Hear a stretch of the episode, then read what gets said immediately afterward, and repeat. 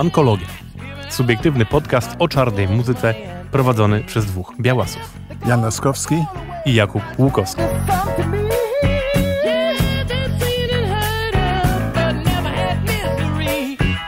Czyli różne pokolenia, różne narodowości, różne doświadczenia, ale jedna wspólna rzecz miłość do muzyki afroamerykańskiej. Soulu, funku, bluesa, jazzu, gospel, rytm bluesa i jeszcze dziesiątek innych odmian i wariacji.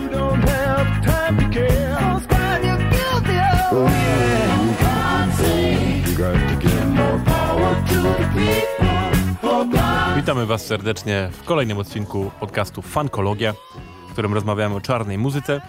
No i jak zawsze zaczniemy od takich e, newsów, informacji ze świata, co się teraz dzieje i wydarza. Pierwsza rzecz, y, krótkie, bardzo krótkie podsumowanie nagród Grammy, które zostały rozdane w zeszły weekend, bo no nie ma tam za bardzo rzeczy, które nas jako e, fanów muzyki afroamerykańskiej z lat 60 70 Poza interesują. Taylor Swift oczywiście. Poza Taylor Swift tak, oczywiście. Tak. E, jedna ciekawostka, za najlepszy album alternatywny jazz dostała pani, która się nazywa Michelle Ngocello. I to jest taka pani, która w latach 90. była już zafascynowana funkiem i nagrała naprawdę bardzo fajne rzeczy. I też, co ciekawe, za ten album, jako jeden z, z współproducentów, dostał Amphider, o którym wspominaliśmy wam parę num, odcinków wcześniej, który zmarł niestety niedawno, więc dostał pośmiertnie nagrodę Grammy, co jakby super.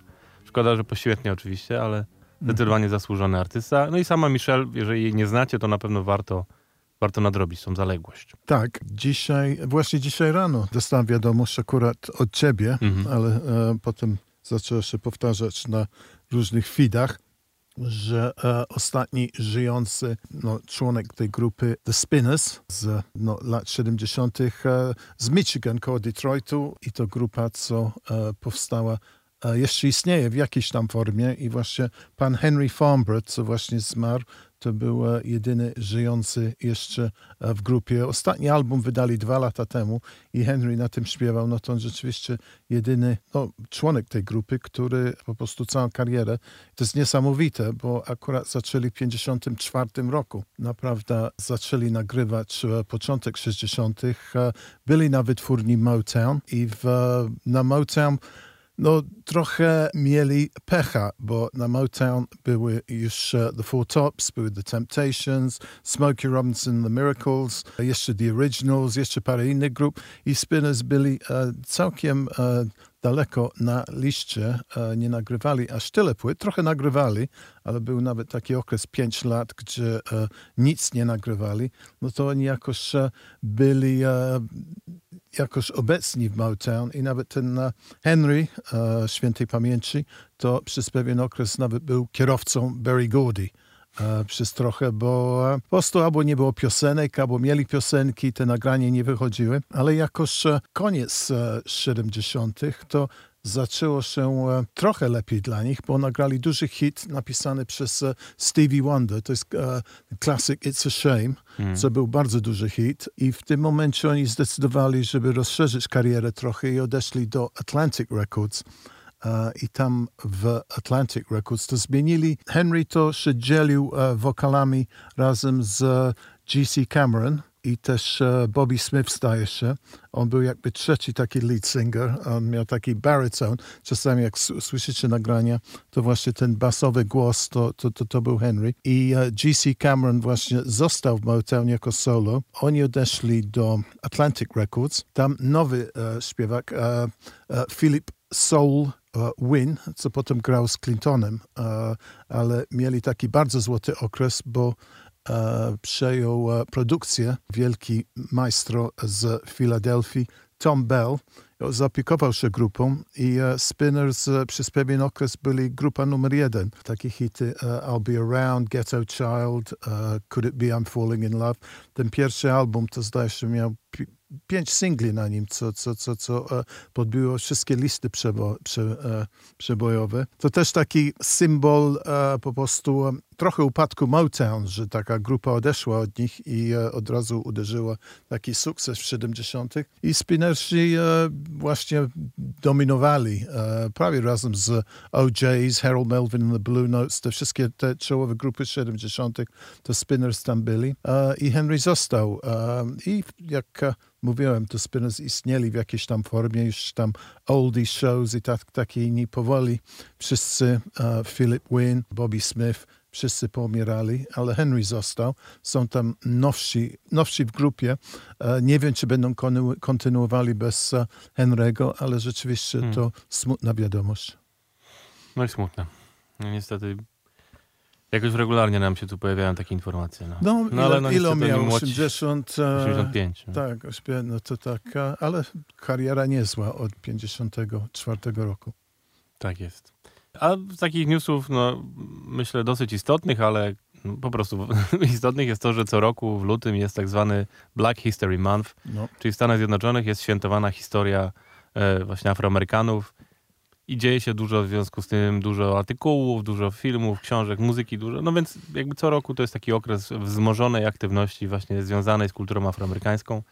Więc na pewno warto mm, pozaglądać w różne fajne miejsca, do jakichś gazet, do New York Timesa, do nie wiem, The Atlantic, jakby jest dużo fajnych y, materiałów, które się z tym wiążą. Chociażby niedawno w New York Timesie był, pojawił się fajny artykuł o tym, skąd w ogóle wziął się cała idea y, Black History Month i jest to jakby odkryte, udowodnione, że to wszystko jest dzięki jednemu panu, który po prostu y, prowadził gazetę taką i był historykiem właśnie i, i zaczął jakby promować taką ideę i to z, z tego się wytworzył cały ten Black History Month.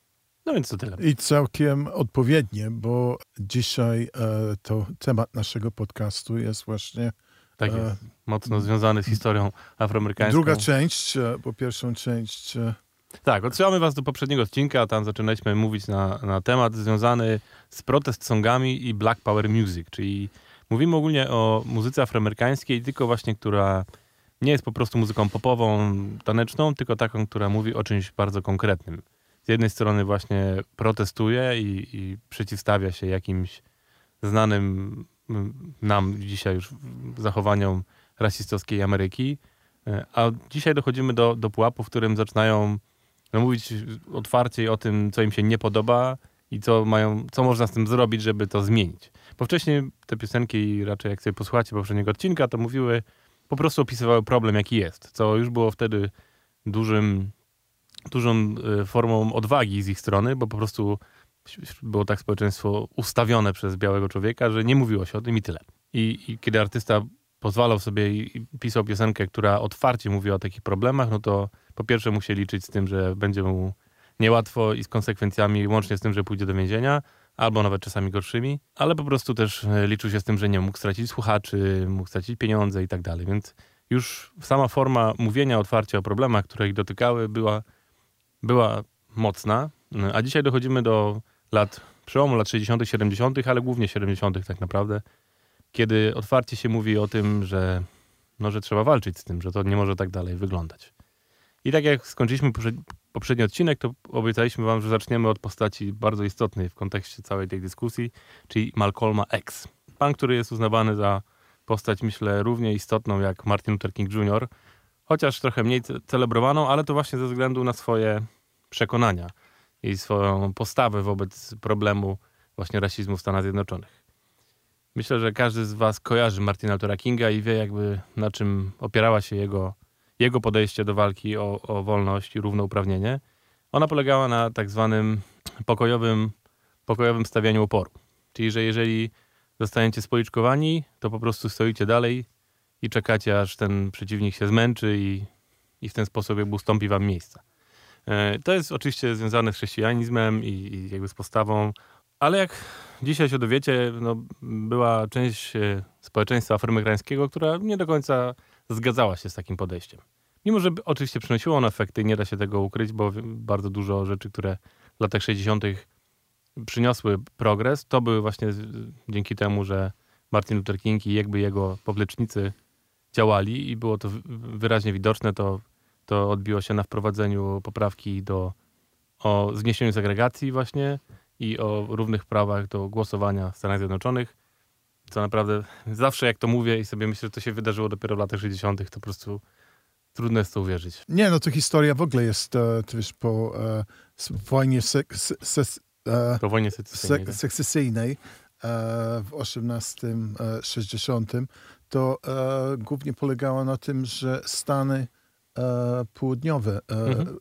nie chcieli, północne też były rasistowskie, ale jakoś więcej industrialne, no to wchłanęli więcej, więcej imigrantów i tam E, czarni ludzie znaleźli jakieś miejsce, ale e, bardzo duży opór był właśnie w południowych Stanach. E, wszystko robili po prostu, mimo tego, że przegrali wojnę, to wszystko, każda legislacja, żeby nie doprowadzić tego, żeby były no, równe szanse do edukacji, do głosowania, do, w ogóle do wejścia mhm. razem do kin i to wszystko. I to bardzo długo ciągnęło się i właśnie jak pewne rzeczy zaczęły się, wiesz, takie incydenty, zresztą Rosa Parks na tak, tak. autobusie, tak E, też w Topeka, chyba w Kansas, akurat to wymieniam, bo kiedyś tam e, z mhm. kolegą byłem w Topeka e, i tam było, że w ogóle nie było integrowanych szkół i tam ktoś zaprotestował i to było bardzo znaczne, bo to jak jeden stan się ugnie, no to po prostu resztę badały i to znaleźliśmy, tak jak mówiłeś, w latach 60. i tych chyba dwóch czołowych, Malcolm Luther King, e, Malcolm X i Martin Luther King. Ale chociaż dużo innego też się działo, ale oczywiście, warto się skupić no, to są na, tacy na tych. Tak. Dwaj najbardziej znani. I tutaj tak. myślę, warto e, powiedzieć też, na czym polegała różnica zasadnicza ich, nie tylko, że podejścia do tego, jak, jak postrzegali problem, ale też skąd czerpali swoje inspiracje, ponieważ e, Martin Luther King wychował się właśnie na południu, tam się urodził i stamtąd pochodził. I jego doświadczenie właśnie było segregacyjne. On jakby znał Mm, Stany, gdzie, jest, istnieje segregacja właśnie, gdzie on nie mógł pójść normalnie do kina, nie mógł jechać autobusem normalnie czy koleją, jakby musiał po prostu i, i spotykał to na co dzień w swoim życiu, mm, w takim sensie, że miał kontakt z białym człowiekiem, który po prostu go degradował.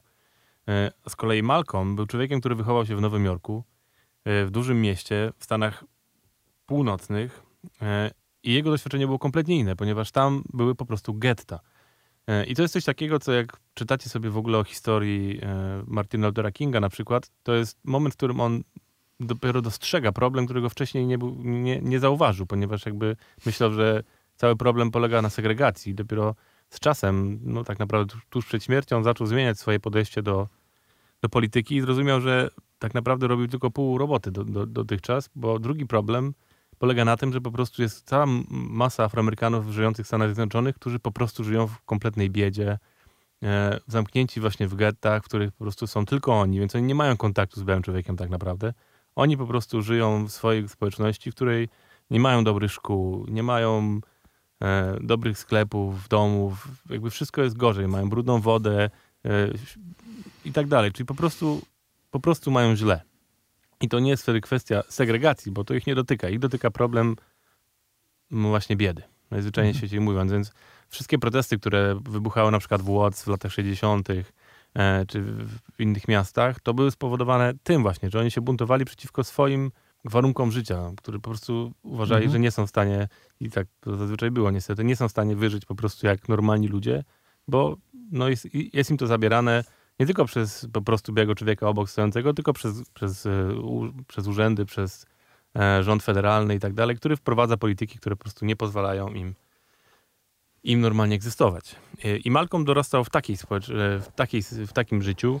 Zaczynał po prostu jako biedny chłopak właśnie na, na ulicach Nowego Jorku. Był małym, młodym przestępcą, kradł w ogóle, więc dosyć szybko trafił do więzienia. I tam dopiero edukację i, i poznanie ludzi związanych z tak zwanym Black Muslim Movement, e, czyli... The Nation of Islam? The Nation of Islam, tak, czyli e, grupą właśnie... Radykalnych muzułmanów. Radykalnych muzułmanów, którzy... Stworzona przez Elijah Mohammed. Tak, Elijah Mohammeda, którzy jakby e, opowiedzieli mu o, o, swojej idei i w ogóle o tym, jak, jak to jest być mu, muzułmaninem i być czarnym jednocześnie. I Malcolm... Mm, przyjął te nauki, bardzo się wkręcił, można tak powiedzieć dzisiaj kolokwialnie, e, w, w tą naukę. Bardzo mocno się wyedukował, będąc właśnie w więzieniu. I kiedy wyszedł, zaczął należeć do Nation of Islam, do Islam i No i zaczął bardzo mocno działać na ich rzecz. Był y, szefem meczetu mhm. założonego właśnie w Nowym Jorku. Y, no i bardzo dużo jeździł po kraju i mówił, mówił dużo na temat po pierwsze no, samego islamu i jakby jego ruchu, ale też właśnie bardzo dużo mówił o jego rozumieniu roli białego i czarnego człowieka. Też e, przejmowali inne imiona, bo mhm. e, e, Malcolm X, e, Elijah Muhammad, bo e, te Martin Luther King, e, Malcolm, kurczę, flaki, co, co ze mną dzisiaj, e, że e, była taka, no chyba prawda, że dużo, James Brown na przykład, Curtis Mayfield, że dużo tych imion powstało, bo po prostu jak niewolnicy przychodzili, to przejmowali imiona i nazwiska swo, jakby swoich właścicieli. Mhm. No to też filozofia była Nation of Islam, żeby odrzucać te imiona. Żeby tak. odrzucać i inaczej się nazwać. I tutaj największy przykład jest chyba Cassius Clay, który został Muhammad Ali, e, słynny tak. bokser. I też był w to wszystko połączone w tym e, ruchu w 60. No. A dlaczego Malcolm X? No bo on uznał właśnie, że on po prostu nie zna swojego imienia, z, mhm. z którego mm, został obrabowany przez białego człowieka. Więc jako, że nie ma tego, to postawi literę X, mhm. która jest właśnie niewiadomą. Dlatego Malcolm X. No i w bardzo, bardzo wielkim skrócie, jakby po, poglądy Malcolma były o tyle bardzo inne od poglądów y, Martina Luthera Kinga, że on przede wszystkim nie zgadzał się na, na pokojowe nastawienie. Y, on uważał, że czarny człowiek ma prawo bronić się, jeżeli jest atakowany. Tutaj warte jest to wyjaśnienia, zwłaszcza tuż przed śmiercią Malcolm mm, dobitnie chciał to wytłumaczyć, że tutaj był nie do końca zrozumiany bardzo często, że właśnie jemu, jemu chodzi o nie o walkę, tylko o samoobronę. Czyli, że on nie chciał stworzyć rewolucji, która mm, że rozdaje broń po prostu Afroamerykanom i każe im walczyć z białymi. Nie, on powiedział po prostu, że jeżeli zostaną atakowani, to mają prawo się bronić. Bo jest to naturalne, że jesteście atakowani, no to po prostu się bronicie. Nie stoicie i nie patrzycie. I nawet jadąc tutaj autobusem, puściłem sobie właśnie jego ostatnie przemówienie, bo możecie sobie na Spotify znaleźć jego różne przemówienia. I on przypomina tam taką sytuację, w której widział zdjęcie właśnie czarnej kobiety, która została powalona na ulicach chyba w Alabamie e, i na, na której klęczą biali policjanci i dookoła stoją wielcy czarni mężczyźni.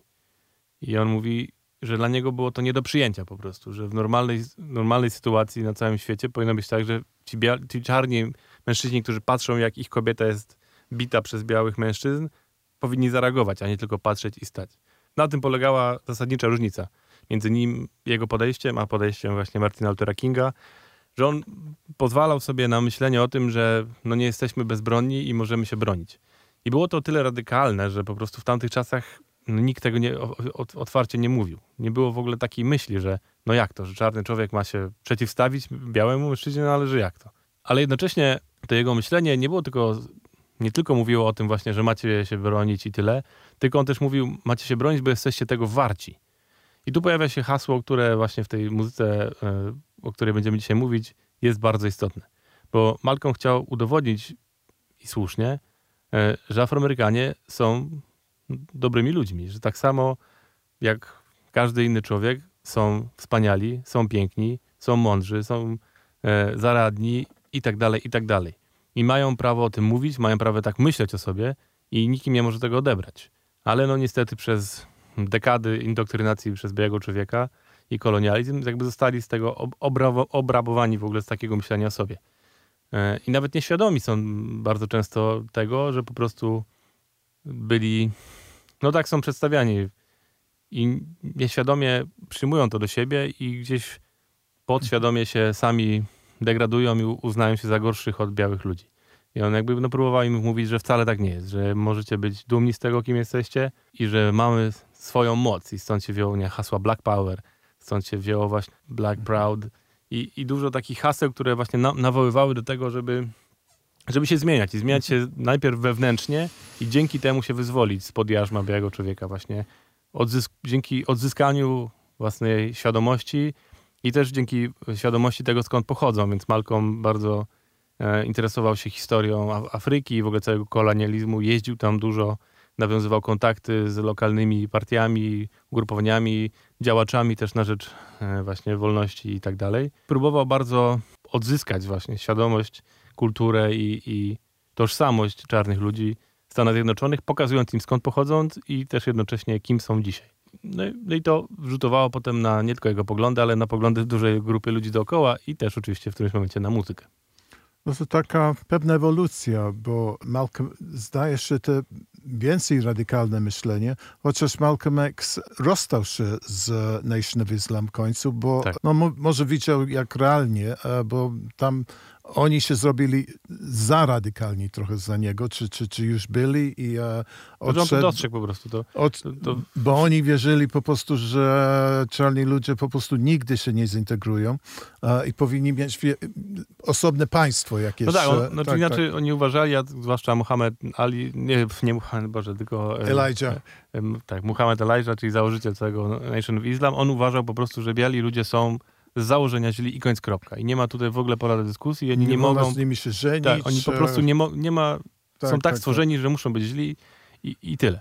Mhm. I że na przykład tu e, w tym ostatnim, co słuchałem dzisiaj po drodze właśnie o, ostatniej wypowiedzi Malcolma, on opowiada o tym, że dlaczego między innymi się rozstał z nimi, to właśnie dlatego, że został nauczony, że biały człowiek na przykład nie ma prawa wejść do Mekki, mhm. bo jest zły, a do Mekki mogą wejść tylko dobrzy. I kiedy on pojechał do Mekki, okazało się, że tam są biali ludzie. No pewnie.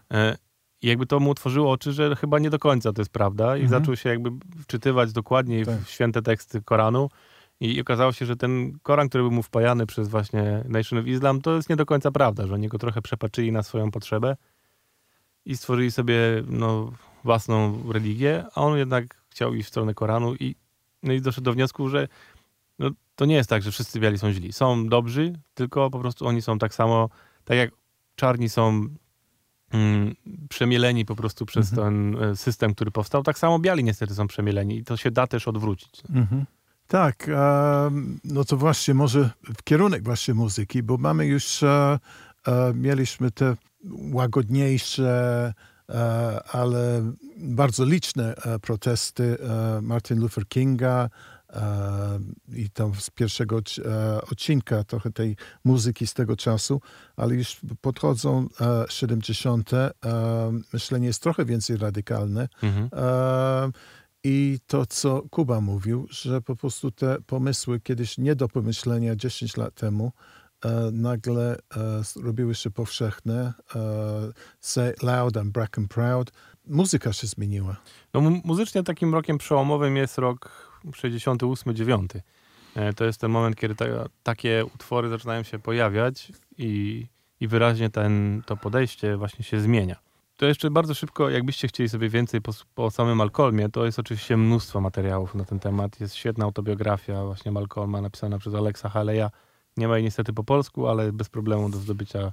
To Alex e, Haley to ten, co napisał Roots. The Roots, tak, A, tak, tak, tak, tak, tak, tak, To bardzo znany pisarz afroamerykański i zresztą jego teść Malcolma. A, nie widziałem. No więc właśnie. Dlatego napisał tą autobiografię, bo był blisko właśnie Malcolma. Y, w zeszłym roku, chyba albo dwa lata temu, wyszła też bardzo ceniona książka właśnie e, biograficzna na temat Malcolma. Jeszcze jej nie czytałem, ale mam ją na liście. Mhm. No ale co najważniejsze, i to myślę, każdy z was ma szansę to zdobyć, jest świetny film właśnie na podstawie tej autobiografii, który wyreżyserował Spike Lee, mhm. a główną rolę gra Denzel Washington, który tak. jest fenomenalny w tej roli. No jest to mocny film naprawdę, więc mhm. jeżeli macie okazję, to naprawdę gorąco polecam, żeby go obejrzeć. Chyba go nie ma na żadnych streamingach z tego, co kojarzę, ale no jest to raczej łatwo do zdobycia film. Mhm. Mm, ale naprawdę jest bardzo dobry. Już jakby poza samą historią Malcolma jest też świetnie zagrane, świetnie zrobione, więc gorąco, tak, gorąco Trochę polecam. ostatnio narzekaliśmy na filmy, że trochę odbijają rzeczywistości, ale to tak. rzeczywiście jest Tak, tak, no to taki... jest bardzo dobry film, no ale to też no, Spike Lee, dobry reżyser, jakby będący mocno w, mhm. e, w temacie, że tak powiem. Tak. Mm, tak. No i to jest chyba pierwsza zresztą nominacja Denzela Washingtona do Oscara, tak mi się kojarzy. Dobra, ale to mhm. nie, mniejsza z tym. To, co ciekawe, hmm, czytam teraz książkę inną, która nazywa się Party Music którą napisał Ricky Vincent, czyli autor książki o funku, która jest moją biblią osobistą. E, I ten pan napisał książkę o zespole, który był mm, założony w, w, e, przez Black Panther Party, czyli przez Czarne Pantery. O, o, samym zespole za chwilę, ale on tutaj właśnie w tej książce fajnie opisuje jakby trochę właśnie rodzenie się muzycznie takich e, pomysłów rewolucyjnych.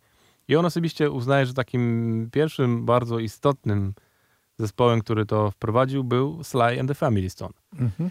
Mm, ciekawe, bo nie, nie, patrzyłem na to z tej strony, ale jakby no, napisał to oczywiście tak, że mu wierzę. E, jest, jest jednak człowiekiem, e, który to wie. Mm, I on zwraca uwagę, że po pierwsze, o tym już gadaliśmy przy okazji, jak mówiliśmy mhm. o funku i o samym Slaju, że rewolucja tego zespołu polegała po pierwsze na tym, że był to pierwszy zespół popularny, tak, tak popularny, który był e, mieszany etnicznie i rasowo. Mhm. E, po pierwsze, bo sam Sly Stone był, był oczywiście czarny i tam była jego rodzina, było jego troje rodzeństwa, mhm. ale do tego był, był też biały perkusista, był jeszcze jeden biały chłop, e, Latynos, jeden Latynos był jeden, tak. tak. No i były też y, kobiety w tym wszystkim. Mhm. Więc po pierwsze sama idea właśnie była już rewolucyjna.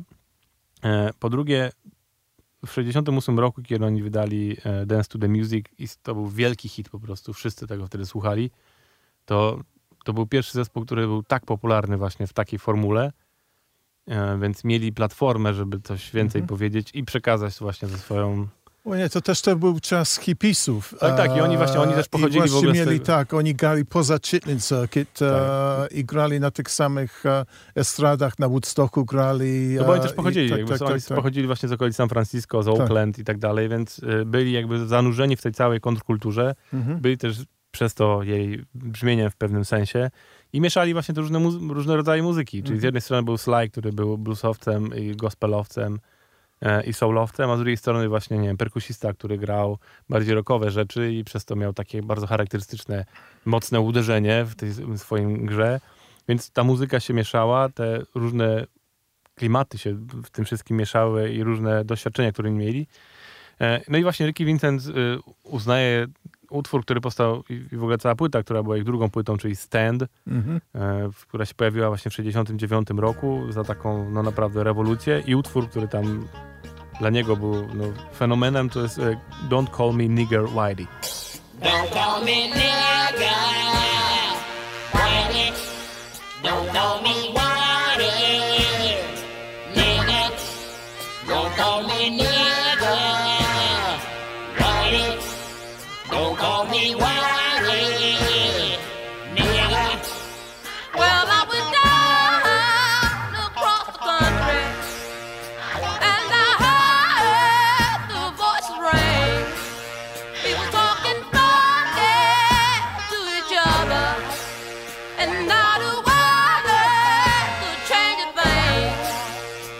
to jest utwór, który no, jest faktycznie nawet do dzisiaj jest dla mnie mo mocno na, jakby reaguje na niego, kiedy po pierwsze czytam tytuł, to jest, jest Don't Call Me Nigger Whitey, ale po drugie oni też śpiewają w drugą stronę, jak się posłuchać tekstu, to w czasie tekstu też jest Don't Call Me Whitey Nigger. Mhm. I, on też mówi o tym, no nie ma, nie było wtedy żadnego innego zespołu, który mógł sobie pozwolić na takie coś. Właśnie przez to, że mieli z jednej strony białych i czarnych, to mogli powiedzieć to z dwóch stron i jakby stworzyć tą konfrontację w tej muzyce, czyli taką no, bo to jest i tak. Nigger i Whitey są bardzo negatywnymi określeniami. Mhm. To, że to mówimy to słowo dzisiaj na N tutaj, to pewnie nam ktoś mhm. może wypomnąć bardzo mocno. E, I słusznie oczywiście. Więc fakt, że pojawia się taka piosenka, która ma po pierwsze te słowa w tytule, po drugie cały czas jest śpiewane, a jednocześnie, no właśnie, oni mogą to zrobić, bo jednocześnie są czarni, którzy mogą powiedzieć o sobie nigger, a z drugiej strony są biali, którzy mogą powiedzieć sobie whitey no, mhm. Sam pomysł jest no, rewelacyjny, fenomenalny i rewolucyjny właśnie w tej formule, że, że pozwala na to, po drugie, że mają odwagę, żeby to zrobić, a po trzecie, że są właśnie zespołem Sly the Family Stone, który jest po prostu na topowych miejscach z przebojów dzięki swoim hitom wcześniejszym mhm. I, no i pozwala sobie na to.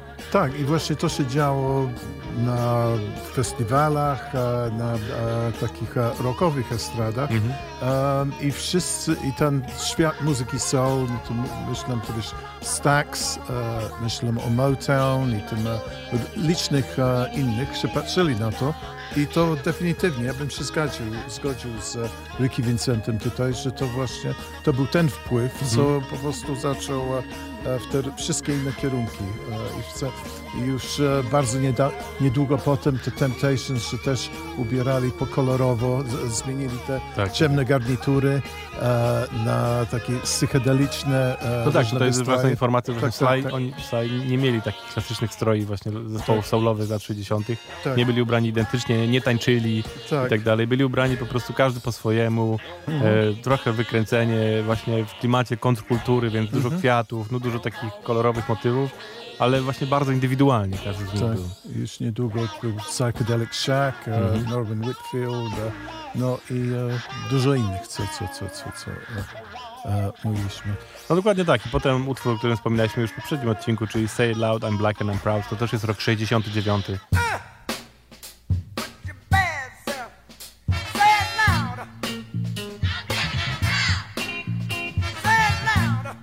Tak, i tutaj tak wymienialiśmy, że on by nie był James Brown, jakby trochę musiał po swojemu zrobić, bo e, James był ten e, chyba jedyny artysta z tych wszystkich, które były jak, albo jakieś tam wytwórnie, jakiś management i zawsze jakoś e, albo sobie pomagali, albo to było jakoś zespołowo, a James Brown zawsze indywidualnie szedł Tak. i że miał jakąś tam wytwórnię, ale to wiesz, na jego warunkach, ale zawsze e, miał swoje jakby shows, że ty wiesz, James Brown, jego orkiestra i potem trzech, czterech innych e, wybranych swoich śpiewaków i prowadził, e, sam pisał, e, sam e, nagrywał wszystko bez e, jakiegoś tam wielkiego producenta, brał ludzi do pomocy. I właśnie jak on zrobił taki statement, to też było, że on się na pewno patrzył na Luther King i e, e, na Malcolm Xa, ale jest tam, no to ty wiesz, tam jego filozofia była trochę inna, że ty wiesz, tam e, ja jestem, no to oni są biali, ale ja jestem czarny jestem dumny z tego, co, co, co jestem. E, ja sobie też tam, jak zawsze mówił, że e, kiedyś jak był mały, to czyścił buty tam koło stacji jakiejś radiowej, teraz to kupił, teraz kupił sobie samolot, teraz po prostu ładnie. I to mimo tego, że jest czarny, to on wszystko sam to zrobił i jest dumny z tego. Mhm.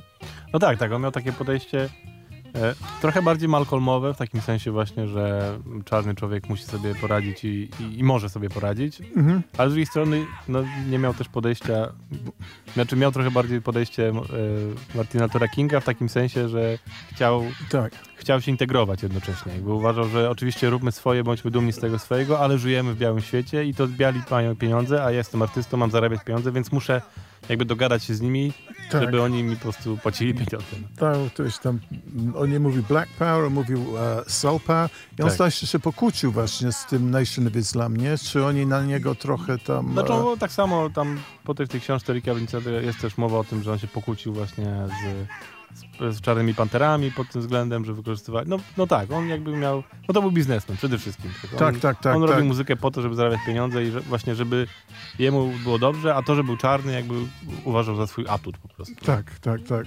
E, I e, tak, że on też e, wtedy były modne, e, że, żeby włosy rosły i były Tak, tak, afro, naturalne a włosy. James afrykańskie. sobie, ty wiesz, jakoś tam różnymi środkami jakoś tam czesał i ty Mhm. wiesz, różne były też tam e, spory, co wiesz, tam wydaje się śmieszne teraz z pewnej perspektywy czasu, ale wtedy to zdaje się było wszystko. E, plus e, James Brown jako biznesman, on głosował na republikanów. Tak. Co wiesz, tam niesłychane, bo wiesz, tam wtedy już tam demokraci więcej liberalni, już się tak trochę zmieniło, bo tak, oryginalnie na stronę, demokraci byli partią niewolnictwa, ale Mhm. to, to już nie jakieś tam przewroty e, w amerykańskiej polityce, ale James Brown to e, z Nixonem i z tymi prezydentami, no to to wszystko się działo, ty wiesz, tam ta, jeszcze James Brown w tym środku zupełnie indywidualnie jakoś Mhm. e, się postępował. No tak, i, i, i dochodzimy do momentu, o którym ty już wspomniałeś, Andrzej, że po prostu wszystkie inne wytwórnie jakby zauważyły, e, jakby, no wchodzi tu po prostu czysty biznes w którymś momencie, bo trochę to, co zaczął właśnie James Brown, no że e, wytwórnie pod tytułem Motown, Stax i tak dalej widzą, że ludzie tego słuchają, potrzebują tego, no więc jakby chcą też wejść w tą sytuację, spieniężyć ją dzięki swoim artystom, zarobić Też chyba pieniądze. zaczęli sami wie, wierzyć w E, to. bo oczywiście, też jakby to, myśleli, to, tak, to tak, też działało, tak. bez dyskusji, bo inaczej by tego po prostu nie zrobili, tak, tak. ale też jakby poczuli poczuł jeszcze do tego, że to można, e, to się też sprzeda, myślę, że no nie, na pewno tak musieli w którymś momencie te dwie, te, te dwie rzeczy musiały się połączyć. No bo nawet jak o tym gadaliśmy, to już wcześniej takie utwory się pojawiały i nawet w takich wytwórniach jak Motown czy gdzieś były, były już utwory, które były protest songami w jakimś formie, ale mimo to to nie były te największe hity. A, a teraz mówimy nagle, nagle te utwory tych zespołów, które są na samym topie tych wytwórni, powstają po prostu, które mówią o tym otwarcie i to są nadal wielkie hity. No. Weźmy The Temptations, nie wiem, utwór Message from, from a Black Man. Yes, my skin is black, but that's no reason to hold me back.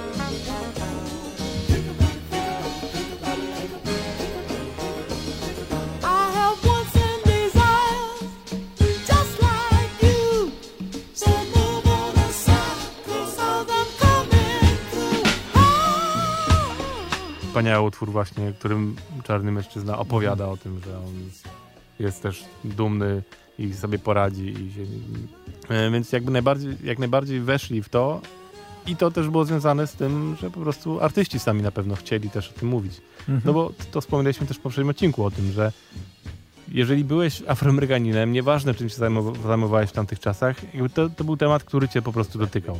I, I kropka, tak naprawdę. Nieważne, czy byłeś mechanikiem, czy byłeś muzykiem, czy byłeś e, prac, pracownikiem doków, czy cokolwiek, zawsze problem rasizmu w tym kraju musiał cię dotknąć w jakiejś formie. Więc jakąkolwiek chcia, chciałeś robić pracę, no, musiałeś na to zareagować. A że jesteś muzykiem i to jest twoja praca, no to chcesz w swój sposób wyrazić też swoje emocje. E, chcesz wspomóc też właśnie cały ruch. Jeżeli byłeś po stronie Martina Luthera Kinga, no to wspomagałeś jego ruch e, i jego działalność. Jeździłeś na jego wiece. Tam, jeżeli nawet nie śpiewałeś, to uczestniczyłeś w tym wszystkim, więc też nasiąkałeś e, jakby tą energią i ona potem wychodziła w twojej muzyce. A z drugiej strony, jeżeli byłeś bardziej w stronę Malcolma X, to tak samo na, nasiąkałeś tym e, podejściem takim właśnie Jakoś myślę, że jedno no. doprowadziło do drugiego. Tak, tak, że, to się połączyło Że Martin. Luther King e, doprowadził do pewnego punktu i właśnie te więcej, jak, jak już byli w tym punkcie, to też to szło dalej. I oczywiście obydwa e, tragicznie. No e, tak, no Mar- y, Malcolm X y, został zastrzelony w 1965 roku. Prawdopodobnie właśnie przez, e, przez ludzi związanych z narodem islamu, którego on zaczął krytykować po prostu. Mhm. E, Co ciekawe, w zeszłym roku dopiero został zwolniony z więzienia y, jeden z któr- Mhm. mężczyzn, który był oskarżony o jego zabójstwo. zabójstwo i dopiero został zwolniony i jakby ułaskawiony i udowodniono, że, Mhm. że niesłusznie był skazany. O, wow. E, A Mar- Martin, a Martin Luther King został zastrzelony w 1968 roku, z kolei przez białego mężczyznę, który też e, trochę nie wiadomo o co mu chodziło tak naprawdę. No.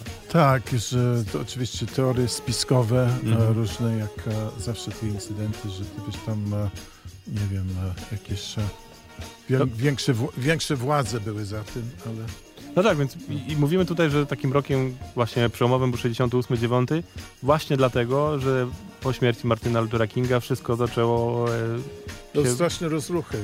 e, strasznie były. kotłować. No. E, Tak. Historia, którą opowiadaliśmy wam przy okazji odcinku o Jamesie Brownie, właśnie w, w noc po za- zabójstwie Martina Luthera Kinga, James Brown grał koncert w Bostonie Mhm. e, i jakby jego, to, że pozwolono mu e, zagrać ten koncert i był on transmitowany w telewizji w całym mieście, to tam nie wybuchły wielkie zamieszki, za- Mhm. bo wszyscy siedzieli i oglądali Jamesa Browna. E, jak sobie też obejrzycie dokument, który jest, e, i chyba on jest w ogóle na YouTubie cały, na jego oficjalnym kanale dostępny, no to tam jest dużo się mówi jakby właśnie też o roli Jamesa i, i no i całym podejściu e, Afroamerykanów do tej całej sytuacji. No.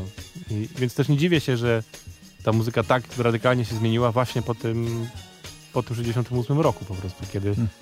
e, te wszystkie idee, no jeszcze bądźmy szczerzy, podejście Martina Luthera Kinga mówiące o, o pokojowym stawianiu oporu, który zostaje zastrzelony, no nie, nie ma się co dziwić, że ludzie są zirytowani i jakoś muszą na to zareagować. I ta muzyka no, była też wentylem, który po prostu na to pozwoli. I właśnie to jest cała lawina tej muzyki w latach 70. E, Myślę, że warto teraz wspomnieć, że razem z każdym, może te e, znaczne epizody e, funkologii, to dajmy playlistę.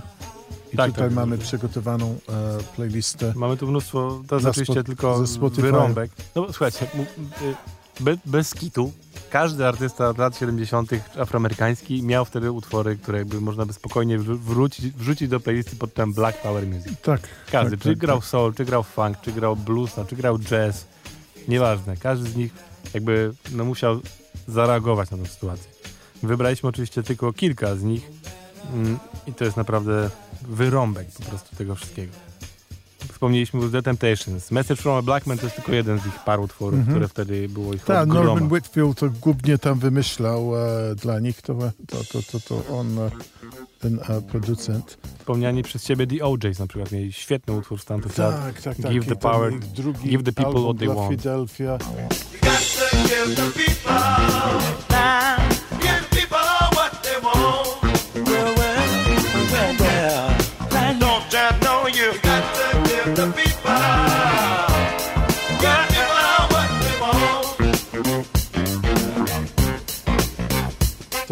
W ogóle um, Ship Ahoy i to jest e, Mhm. świetny e, album się nazywał Ship Ahoy i to jest e, Ahoy to jak e, statek się widzi właśnie o tych statkach, co płynęli z Afryki do e, czy to na Karybeję, czy, czy, czy do Stanów i woziły nie, nie, niewolnicy e, i to było takie e, e, no, e, okładka tego albumu, pamiętam, że to też było to wiesz, takie definitywnie taki statement, Mhm. e, że, że, że, że, tutaj oprócz tych e, nadal fajnych, tanecznych, e, solowych numerów, e, to już takie poważniejsze nuty. No tak, ale nawet ten właśnie utwór Give the People What They Want to jest nadal Mhm. bardzo taneczny, funkowy kawałek, a jednocześnie no, mówi o tym, że dajcie nam to, co jest nam potrzebne. No. E, Mhm. nie wiem, super e, rzeczy na przykład z tamtych lat, to tak... E, a, właśnie, chciałem powiedzieć o... Bo w poprzednim odcinku mówiliśmy o Ninie Simon i chociażby jej wspaniałym utworze Mississippi Goddamn Mhm. i wspomnieliśmy, że ona ma też przepiękny utwór, który nazywa się The Young, To Be Young, Gifted and Black. Mhm. Dla mnie przepiękna ballada, która właśnie dokładnie ilustruje to podejście Malcolma Xa tłumaczące, że jesteśmy wspaniali i jakby zacznijmy w to wierzyć. I to jest utwór, który Mhm. dokładnie jest o tym, że są miliony wspaniałych, młodych, czarnych ludzi, którzy po prostu są utalentowani, piękni i Mhm. młodzi i że trzeba im dać możliwość mm, wyrosnąć po prostu. No i to jest taki utwór, który chyba każdy artysta w którymś momencie zrobił cover. Jest świetna wersja Arety Franklin. E, No oczywiście oryginał Mój, Niny mój e, ulubiony jest e, Bob and Marcia, co jest w ogóle e, jamańska wersja, A, co się łączy właśnie A mój z... ukochany, który wrzuciłem, to jest y, Donny Hathaway.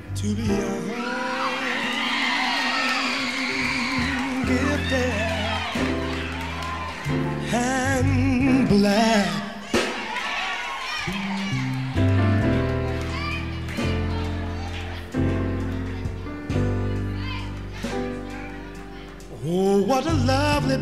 Precious dream. Tak, tak, tak. Ja osobiście tak, tak. kocham do niego po prostu jego głos i co najlepsze, jego wersja live jest zdecydowanie najlepsza. Tak. Bo jeszcze do tego są ludzie, słychać ludzi na publice, która reaguje na ten, Mhm. na ten statement, no coś, coś przepięknego. Mhm. Na playliście znajdziecie chociaż, co tak jak e, Kuba mówi, e, chociaż cząstek e, tego, co się wtedy wydawało. Też warto wspomnieć parę takich, może ty więcej powiesz o Gil Scott Heron, trochę później on na pewno jest na Mhm. playliście, Jest, jest jako pierwszy nawet. ale też takie łączone więcej z tym podziemiem, mi się wydaje, że dość wpływowy, ale taki mało komercyjny e, i wtedy to wiesz, tak, trochę taki margines, chociaż tam e, w Anglii słyszałem o tym, The Last Poets, e, Tak, tak. No to jest jakby podobny nurt. nurt i to były ak- autentycznie aktywiści, e, nie wiem czy były połączeni z Nation of Islam czy nie, ale to były poeci nazwani wszyscy po afrykańsku. To się nazywa Beat Poets. Beat Poets, tak. I tak zaczęli. Ten pierwszy album, albo był e, This is Madness, czy The Last Poet. Zapomniałem, to są te pierwsze dwa. Mhm. I potem to doprowadziło, że oni, wiesz, ten styl się trochę b- zrobił bardzo podobny do ówczesnego rapu. E, Tak, że tak. właśnie to było rymowane.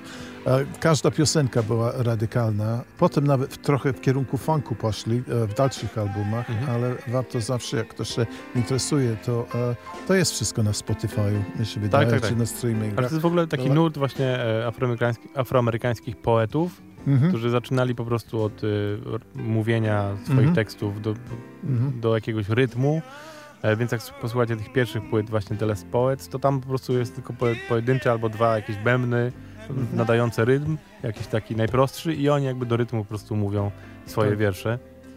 I zresztą tak samo Jill Scott Heron, właśnie taka postać no, kultowa dzisiaj, jest uznawany za takiego głównego właśnie przedstawiciela tego e, beat poetowego. I on też zaczyna właśnie od, od mówienia tekstu do rytmu. Jest taka płyta live jedna, na której dokładnie tak brzmi po prostu, że jest Mhm. on e, i jakieś On, on trochę inną drogę, bo on się połączył. E, Jill Scott Heron tu był em, bardzo, e, oprócz tego, że to jest tam całkiem radykalny, elokwentny, e, szalenie inteligentny, ale też bardzo czuł swoje korzenie jako Afroamerykanin e, i często wspominał właśnie tych dalszych bohaterów, e, na przykład John Coltrane, Billie Holiday, jedna Tak. z jego e, piosenek. No to on się połączył z, e, trochę w kierunku też jazzowym Mhm. e, i e, te, te, większość jego wcześniejszych albumów z Brian Jackson, który Tak, był tak, e, właśnie e, jazzmanem.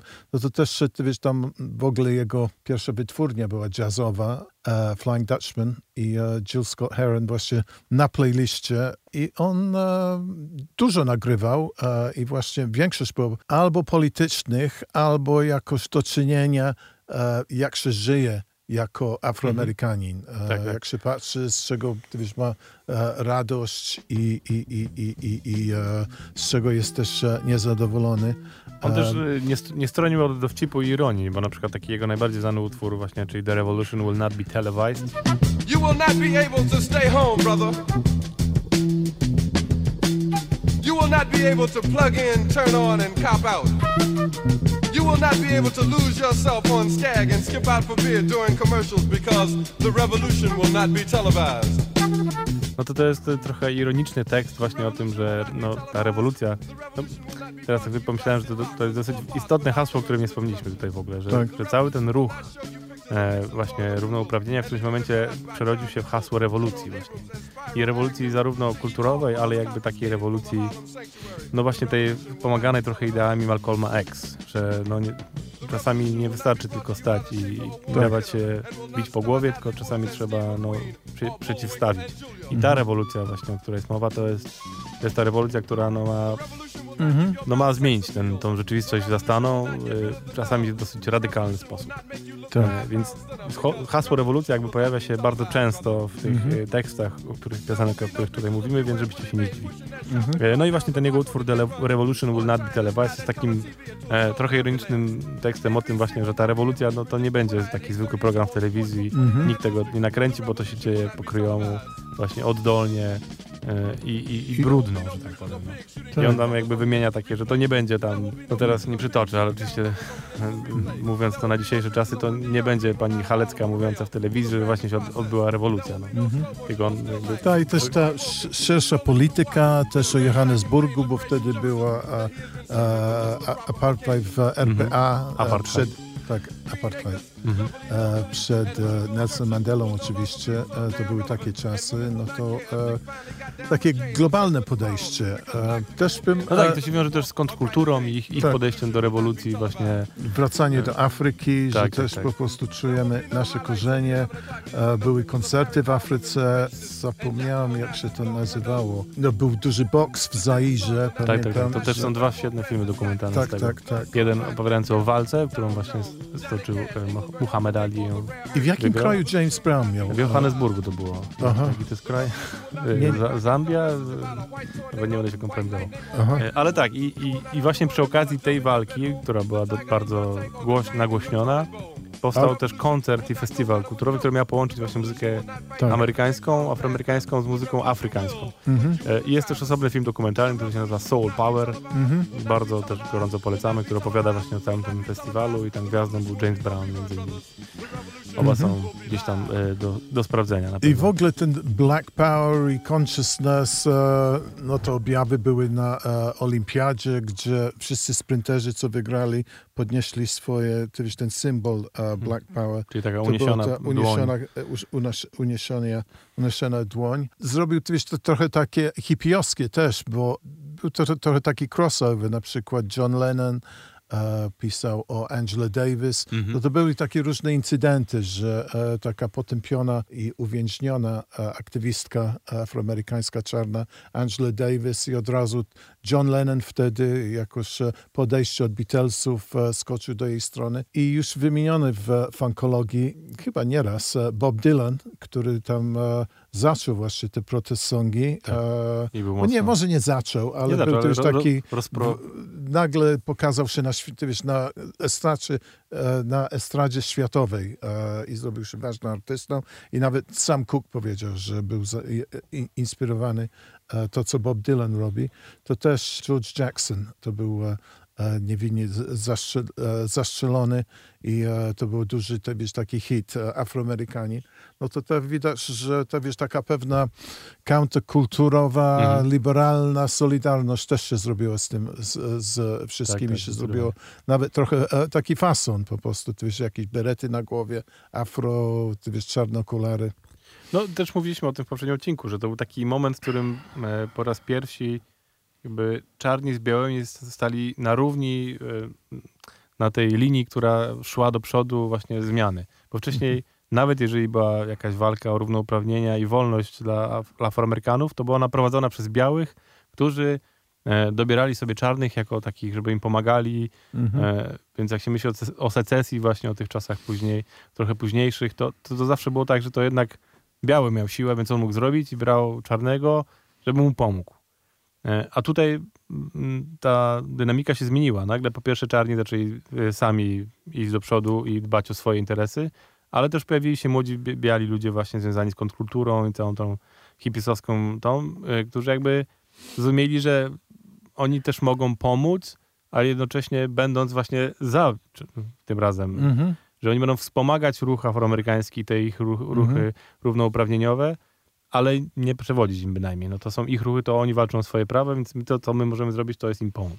Tak, bo to, to, to, co wymieniłem, e, obydwa e, Angela Davis i, i, i George Jackson, to były mnóstwo takich e, przypadków przedtem, gdzie wiesz, nie, zastrzeloni czarni, czy to aktywiści, czy, czy, czy po prostu zwykli ludzie, ale to było jakoś w ogóle nie, nikt nie zauważył, a teraz Mhm. po prostu scena była trochę większa, że po prostu e, już nagle wszyscy wiedzieli o takich incydentach. E, e, Dokładnie tak.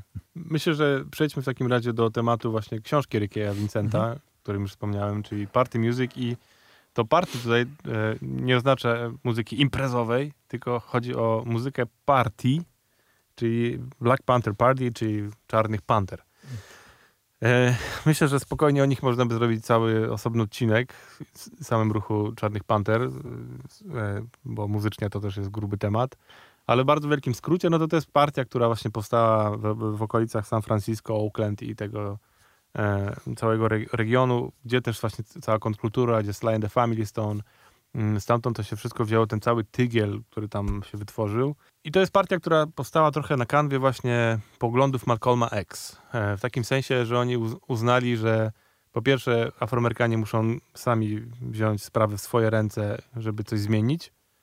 E, Po drugie, że to nie chodzi tylko o, o, o walkę właśnie o równouprawnienia, tylko o rozwój całej społeczności i kultury afroamerykańskiej, czyli trzeba wspomóc edukację, trzeba wspomóc e, socja, socjalnie ludzi. Jakby wykorzystali trochę pomysły mm, socjalistyczne, takie właśnie równościowe do tego, żeby stworzyć... Na początku to była właśnie partia taka no, radykalna mocno. Oni właśnie mieli, mieli przede wszystkim broń, uczyli się strzelać, u, uczyli się bronić ubierali się na czarno w skóry i, i no, wyglądali po prostu groźnie. Mm, I od tego się zaczęło, ale jednocześnie rozwijali właśnie bardzo te tematy spo, społeczne, że tak powiem, czyli właśnie edukację, wspomag- wspomagali ludzie, rozdawali jedzenie, no i jakby bardzo im zależało na tym, żeby ogólnie podnieść jakość e, społeczeństwa afroamerykańskiego. E, no i sam pomysł był o tyle radykalny, no bo właśnie to, co mówimy, wcześniej e, Afroamerykanie to byli, mieli stać z tyłu i, i nie patrzeć najlepiej w oczy białemu człowiekowi. A tutaj nie dość, że patrzą w oczy, to jeszcze podnoszą pięść do góry i, i mówią, że mają moc, a po trzecie mają karabiny w ręku, co jest w ogóle no, mhm, wtedy było no, nie do pomyślenia. mhm. E, Więc oczywiście bardzo szybko e, rząd Stanów Zjednoczonych e, poczuł się mocno zagrożony tą sytuacją, więc e, partia została bardzo rozbita przez FBI i, i, i J. była Hoover, no. Jerry Hoover. I- No i w ogóle bardzo szybko ich, że tak powiem, roztrwoniono, ale oczywiście jakby sama idea przetrwała dużo, dużo, dużo dłużej. Z czasem oni się trochę, y, trochę się mniej zradykalizowali i bardziej poszli w stronę polityki takiej właśnie polityki po prostu wspomagania rozwoju społeczności afroamerykańskiej, jakby gdzieś odrzucili te, te ideę walki. Mm, Ale jakby sama idea była na tyle y, istotna i na tyle mm, przemawiała do młodych czarnych ludzi, że bardzo, bardzo, bardzo wielu ludzi jakby w tą stronę poszło i, i zaangażowało się w działania. I, I cała ta książka właśnie Rickiego Vincenta, Party Music, opowiada o, o zespole muzycznym, który się wytworzył właśnie w- okolicach San Francisco i Oakland, y, właśnie założony przez członków y, tamtejszego oddziału y, Czarnych Panter. Mm. To było czterech chłopaków, którzy po prostu okazało się, że są muzykami, potrafią ładnie śpiewać i jakby jest historia tej e, powstania, że oni się poznali e, na, na uniwersytecie tamtejszym w Oakland i, i z czasem, kiedy zaczęli działać właśnie na rzecz e, partii i robić jakieś różne akcje pod tytułem, nie wiem, roznoszenie ulotek, przygotowywanie różnych tekstów, czyli siedzieli na przykład wieczorami po prostu, e, to zaczęli śpiewać sobie, żeby im się nie nudziło. I zaczęli śpiewać okazało się, że fajnie im to wychodzi e, i zaczęli śpiewać i stało się to, ktoś ich tam zauważył, więc powiedział, co zaśpiewajcie teraz gdzieś na jakimś właśnie wiecu. Oni zaśpiewali, to się spodobało. E, W tym samym czasie jeden z tak zwanych ministrów kulturowych e, tej partii zauważył to i stwierdził, że to jest dobry pomysł na to, żeby w ten sposób ściągać młodych e, ludzi do partii, właśnie przekazując im ideę Czarnych Panter poprzez muzykę popularną. Bo to, co oni zrobili mm, jako zespół, który potem powstał i został nazwany The Lumpen, to właśnie brali muzykę popularną. Lumpen Czyli, proletaria, czy tam pisze... no tak, właśnie to się wzięło z tego. tak, To, tak, to się tak. wzięło, jakby Lum- nazwa, nazwa wzięła się z lumpen proletariatu. lumpy, no. I oni się po prostu sa, sami lumpen zostało. E, I idea była taka, że oni grali popularne utwory, które dobrze znamy, o których już, już gadamy i które tutaj się pojawiają, czyli nie wiem, Sly and the Family Stone, Jamesa Browna, Temptations i tak dalej, tylko zmieniali teksty. Zmieniali w ten sposób, żeby mówiły właśnie o, o tym, co uważa partia Czarnych Panter, tak? Czyli o tych rewolucjach, o, o, o rozwoju właśnie i tak dalej, żeby ludzie jakby słuchając tej muzyki, którą lubią, jakby jednocześnie byli indoktrynowani do, Mhm. do idei e, partii Czarnych Panter. Długo ten zespół nie, nie, nie istniał, no bo tak jak mówię, sama partia przechodziła dużo zmian. e, Z jednej strony poprzez to, że była po prostu ni- systematycznie niszczona przez rząd Stanów Zjednoczonych, ale też zmieniały się ich poglądy i też sami członkowie tego zespołu, e, no oni, dla nich najważniejsza była działalność partyjna, a nie śpiewanie w zespole. To jakby traktowali jako dodatek do tego, co, jako jeden po prostu z zadań, które mają wykonać, żeby wspomagać partię. Więc no, z czasem to się rozeszło po kościach, bo zajęli się różnymi Mhm. innymi rzeczami ważniejszymi ich- ich zdaniem.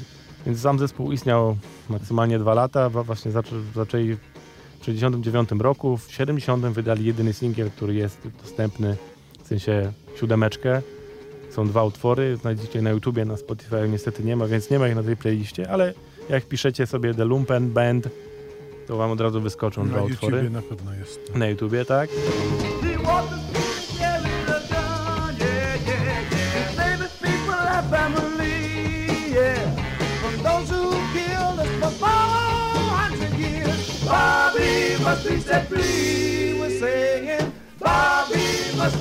I też Vincent mówi, że jest nagranie jednego ich koncertu, tylko jeszcze go nie znalazłem, bo i on opisuje jakby cały ten koncert, bo po, poza faktem, że nagrywali piosenki oryginalne, no to właśnie super ciekawe było doświadczenie tego koncertu, w którym no, grali utwory znane, tylko właśnie w nowych innych wersjach, więc poza samym ciekawością, jak zmieniali teksty, no to też jak układali ten koncert, bo właśnie jak ta energia się zmieniała w trakcie, jakby gdzie ten message przechodził bardziej, no jest to naprawdę ciekawe, ciekawe doświadczenie i, i warte wspomnienia. E, I też to chyba też istotna informacja i to już jest na naszej playliście tej na Spotify'u, że to nie był jedyny projekt muzyczny związany właśnie z Black Panther, bo na przykład jedna z czołowych działaczek, która się nazywała Elaine Brown, wydała też płytę właśnie z piosenkami. E, I tu już są takie balady z pianinem nagrane, więc nie jest to muzyka rozrywkowa, ale też jest to muzyka właśnie opowiadająca o, o tematyce Czarnych Panter. No jest tego dużo, co tak e, też zawsze e, jakoś e, indywidualnie to też tak patrzę się na to, że po tych 60 te, te jakby walczenie, te rozruchy, to w latach 70 jakby była zupełnie jakoś e, nowa przestrzeń do rozwinięcia afroamerykańskiej kultury i sztuki. No można też powiedzieć, że te, wiesz, tam może trochę głupkowate, ale muzycznie fantastyczne te filmy Black Exploitation, bo to nagle się wszystko rozra, że nagle mamy moc, no to róbmy kino, ale ty wiesz, oczywiście to jakieś komercyjne musiało być i e, może nie, ty wiesz, tak e, fabularnie aż, aż takie fantastyczne, ale jakieś tam momenty są, ale ta muzyka, co z tym przyszła i te fasony, e, też e, był straszny rozwój w e, literaturze, e, w wierszach, chociaż to jest trochę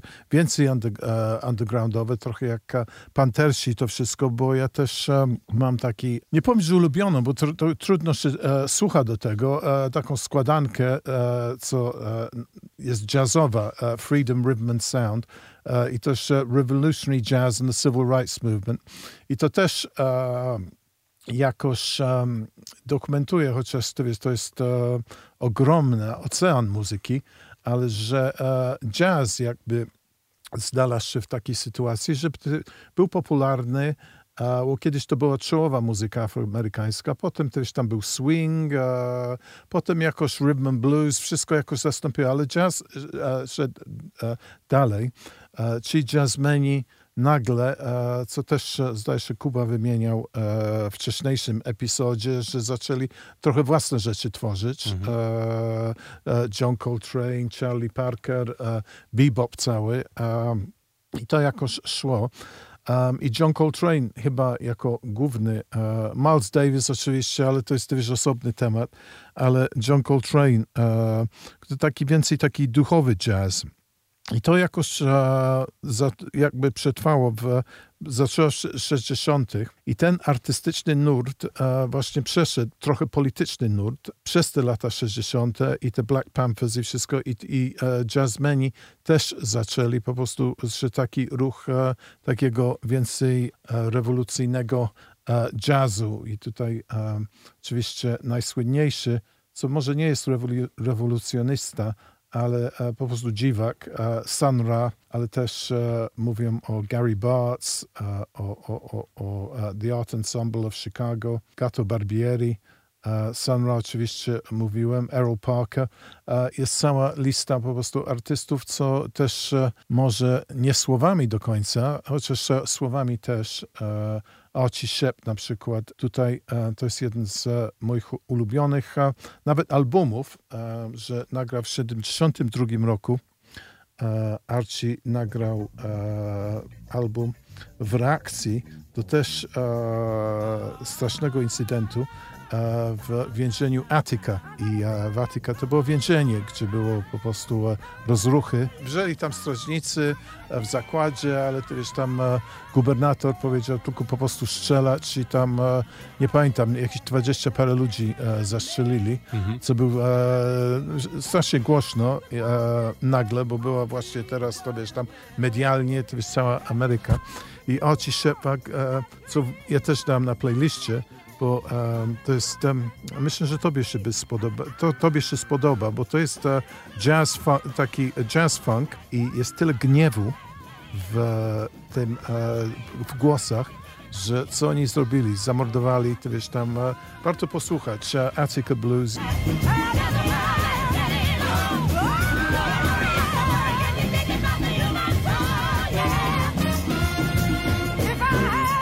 Ja też dołączam jako jeden z moich ulubionych po prostu cały album też. E, oprócz tego o, o Atyce, to też e, ten cały Black Consciousness, te wszystkie inne rzeczy e, w bardzo świetnym albumie. No to ruch jazzu, którego no, wspominamy, ale nie jest nasz główny nurt e, w funk, funkologii, też obok właśnie tego całego artystycznego progresji w lat 70. e, dołączał. To ja wam podrzucę w ogóle taki, e, taką postać, którą możecie sobie sprawdzić. Jest taki chłopak, który się nazywa Barnabas Jegel. E, Polak, który prowadzi bardzo fajny kanał na Facebooku pod tytułem The 70s. I to jest człowiek właśnie bardzo wkręcony w muzykę lat 70., bardziej jazzującą bym powiedział. I ostatnio wrzucił na swój profil e, taką listę dla niego najciekawszych właśnie jazzowych rzeczy z lat 70. I no to jest kopalnia wiedzy, słuchajcie. Świetne, świetna rzecz. Sprawdźcie sobie The 70s, pisane nie cyframi, tylko Ale, normalnie. ale na czym? Na Facebooku Na ma taki Facebooku. kanał i tam ma linki właśnie różne. I ma tak, to niedawno dosłownie wrzucił właśnie dwa, Mhm. dwa posty o, o jego zdaniem najfajniejszych albumach y, funkowo-jazzowych z tamtych lat. To jest wspaniałe. Tak, bo jazz funk to też jest tam niekoniecznie polityczne, ale to też Tak, był tak. taki nowy ruch artystyczny po prostu, gdzie jazzmeni nagle, wiesz, tam, e, no to też chcemy się jakoś, e, No tak, może tak, jak- też jak trochę każdy, zarobić też, e, że, że Każdy. e, e, chcemy też w taki funkowy mainstream. No i tak jak mówię, słuchajcie, tej, tej muzyki jest od groma, więc my już gadamy ponad godzinę, a tak naprawdę mam wrażenie, że dopiero liznęliśmy ten temat. Mhm. Y, ale zostawimy jakby już was z, Każde z ma swoją historię, tak. Oczywiście, że tak. I właśnie, żeby dojść może trochę głębiej, no to zapraszamy na nasze audycje. Zdecydowanie. e, What's Funk e, w piątki Radio Campus i e, e, Sunday Soul Cellar e, w niedzielę też Radio Campus. No i tak na, na sam koniec jeszcze, jeszcze warto wspomnieć o tym, że oczywiście ta, to podejście do tworzenia takiej muzyki wśród kultury, wśród ludzi af, afroamerykanów istniało nadal i istnieje nadal, no bo chociażby zwróćmy uwagę na, na ostatnie wydarzenia związane ze śmiercią George'a Floyda i, i to też sprawiło, że pojawiło się No Właśnie mnóstwo, te incydenty. bardzo tak, dużo tak, muzyki właśnie takiej, e, no w tym duchu właśnie protest songów i, e, i Black Power. No ale chociażby takie hity, wiecie, e, hip-hopowe, jak Fight the Power, Public Enemy, jak NWA, ich kawałek Fuck the Police. No to są Mhm. utwory stricte po prostu w tym klimacie, nawiązujące dokładnie do, te, do tego wszystkiego, wykorzystujące tą muzykę z lat 70. jako swoje sample, jako to, Mhm. ten, e, tą platformę, na której oni się odbili, żeby przekazać swoją aktualną informację. E, Nie no, myślę sobie o takim utworze, który niedawno w wielkim hicie, czyli Childish Gambino i This is America. Mhm. No to był taki utwór, który też bardzo był w e, motywie właśnie takiego go na playlistę. posłuchaj. dobra, protest songu i tutaj na pewno, jeżeli nie widzieliście, no ale myślę, że jednak widzieliście, to, to teledysk jest wart zobaczenia, bo on też jest pełen symboli jakby nawiązujących właśnie do tej, do tej historii, tradycji, chociażby od samego początku tego, jak, jak Childish Gambino wchodzi i zaczyna tańczyć, to tańczy jak taka słynna postać związana z Jimem Crowem. E, Jest tam mnóstwo, no, no naprawdę, jest, yy, sprawdźcie sobie, no, jeżeli was to zainteresuje, to na YouTubie są całe analizy teledysku po prostu tego. Więc y, no mówię, to, to, to jest coś, co cały czas żyje, niestety, no bo cały czas są problemy w, w Ameryce, cały czas jest ciężko Afroamerykanom i cały czas muszą no jakoś, jakoś reagować na tą sytuację i cały czas ta muzyka jest tym, co im w tym pomaga. I, i trochę, trochę da, daje upust tych wszystkim, wszystkim negatywnym emocjom. Więc taką myślą was zostawiamy, że macie jeszcze dużo, dużo do nadrobienia. No e, mamy, mamy dość e, fajny temat na następną funkologię, Mhm. chociaż e, może nie zdradzimy. Nie, no nie zdradzajmy. Chociaż, a, No ja no nie. t- trochę to- taki clue dałem. Możemy zdradzić, żebyście Moja ulubiona wersja Young, Gifted and Black. To coś e, wskazuje na może, na jaką wyspę może e, znajdziemy się w przyszłym odcinku. Tak, i, ostatni klucz jest taki, że y, idźcie do kina. A, okej. To okej. y, będziecie wiedzieć, co chodzi. Chociaż nie wiem, czy... A może będzie. To już chyba się- jakoś zaraz wchodzi. Jeżeli już nie Tak, jest, tak, to, nie, to, bo to zaraz widziałem, może widziałem, widziałem zwiastuny Zwiastunów jest zaraz. pełno wszędzie teraz. Tak, tak, tak. Wszędzie. tak, tak, Mnie tak, tak. atakują z każdej możliwej strony tak, po prostu. tak, tak, tak, tak, tak. No dobrze, No kochani. te algorytmy nas znajdują, nie? Tak, tak. Czasem No. mi się udaje. No. Tak. Kochani, dziękujemy wam wielkie za kolejny odcinek Funkologii. Też e, dziękuję i do usłyszenia. Do zobaczenia w kolejnym, kolejnym e, odcinku. w kolejnym odcinku. Dzięki. Dzięki, papa. Have you ever stood in the darkness of night, screaming silently, you're a man? Have you ever hoped that a time would come when your voice could be heard in a noonday sun? Have you waited so long till your unheard song has stripped away your very soul? Well, then believe it, my friend, that this silence can end. We'll just have to get guns and be men. Has the cry to live when your brain is dead made your body tremble so? And have unseen chains of too many years hurt you so bad till you can't shed tears? Have so many vows from so many mouths made you know that words are just words. Well, then believe it, my friend, that this silence can end. We'll just have to get guns and be men. You know that dignity, not just equality, is what makes a man a man. And so you laugh at laws passed by a silly lot that tell you to give thanks for what you've already got. And you can't go on with this time worn song that just won't change the way you feel. Well, you believe it, my friend, that this silence can end. We'll just have to get guns and be men.